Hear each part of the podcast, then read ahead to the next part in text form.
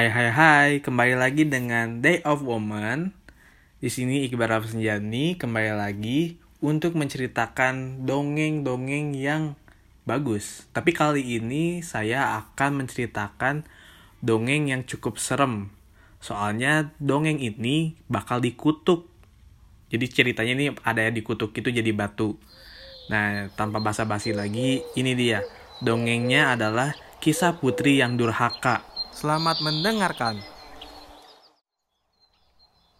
Pada zaman dahulu, di pedalaman Bukit Kalimantan yang jauh dari pedesaan, hiduplah seorang janda yang sangat miskin dengan seorang putrinya yang sangat cantik.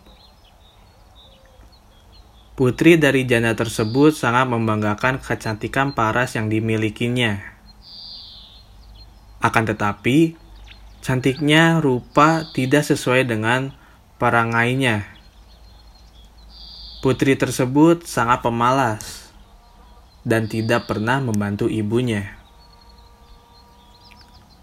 Janda tersebut harus mengerjakan semuanya sendiri dan banting tulang untuk memenuhi kehidupan hidup. Sementara itu, putrinya yang juga sangat manja hanya bisa meminta keinginannya untuk dituruti. Ia bahkan tidak peduli dengan keadaan ibunya dan kondisi ekonomi keluarganya yang miskin ini. Bahkan, janda tersebut tetap harus banting tulang meskipun sedang sakit. Saat janda tersebut mengajak seorang putri yang ke sawah untuk bekerja, putrinya selalu menolak dengan beralasan ia sangat pemalas dan manja. Itulah yang sering dia lontarkan kepada ibunya.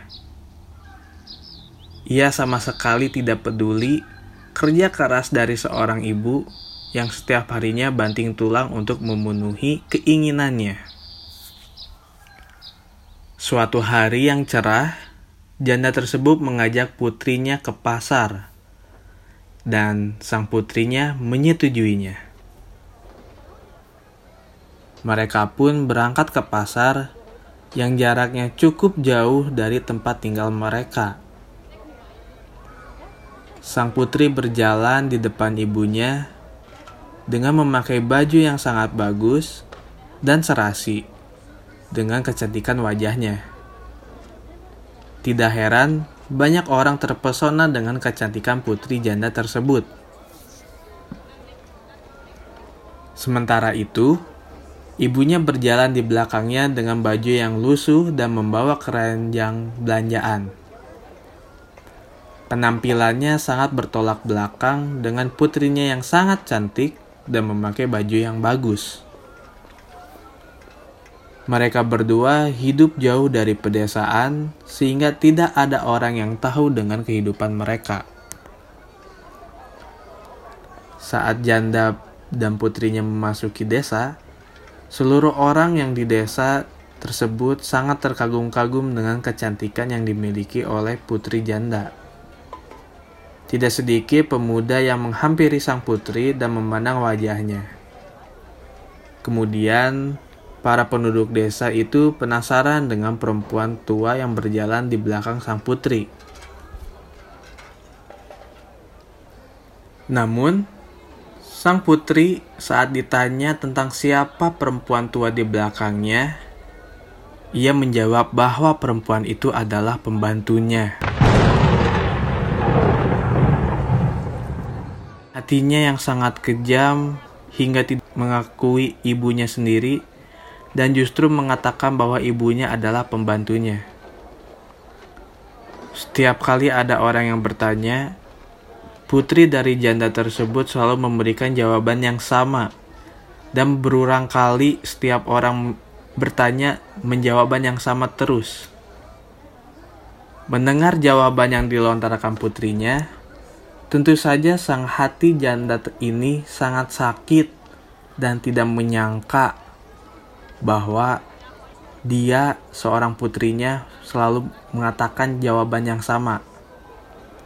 Namun, janda ini masih memilih untuk diam saja. Nggak kemudian, janda tersebut sudah tidak bisa menahan rasa sakit yang ada di hatinya. Dan ia berhenti di tengah jalan, duduk dan menangis.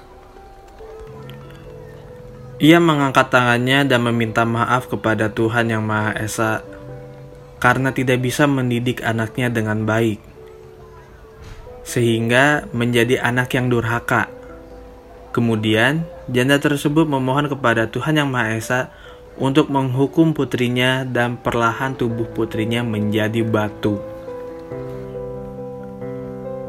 Seorang anak tidak sepatutnya durhaka kepada orang tuanya, terlebih seorang ibu, apalagi sampai mengatakan bahwa ibunya sendiri adalah pembantunya karena merasa malu memiliki ibu yang tua dan tidak berdaya.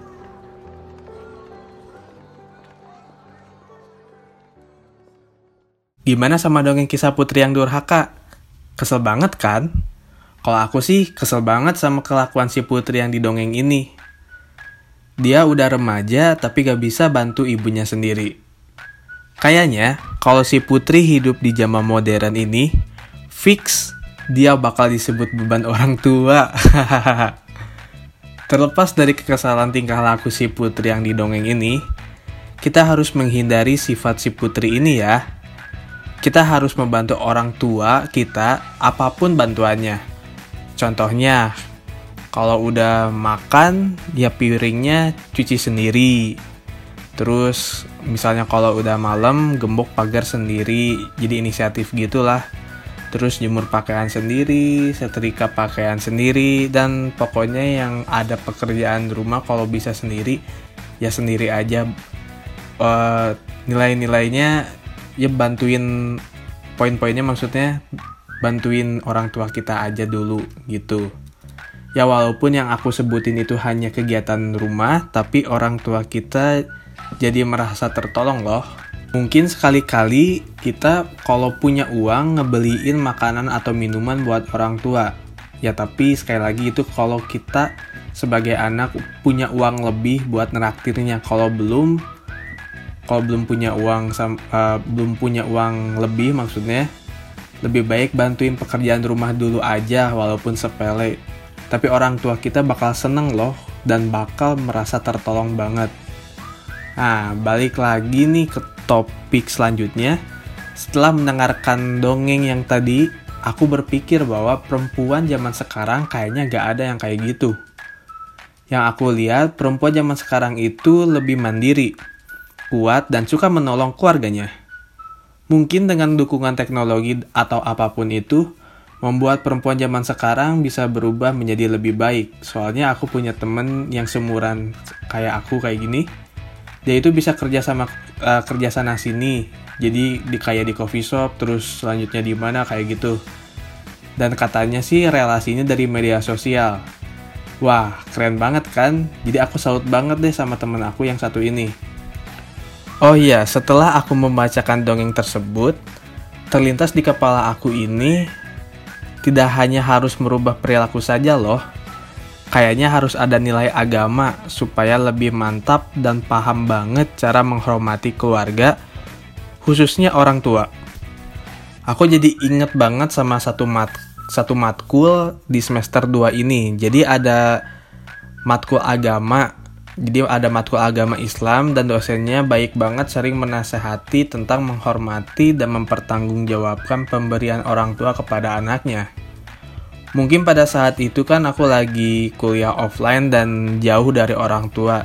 Dan pas banget sama dosen matkul agama ini selalu mengingatkan tanggung jawab uh, dan hormat kepada orang tua. Jadi selalu ingat apa yang telah diberiin sama orang tua jadi harus dipertanggungjawabkan secara penuh.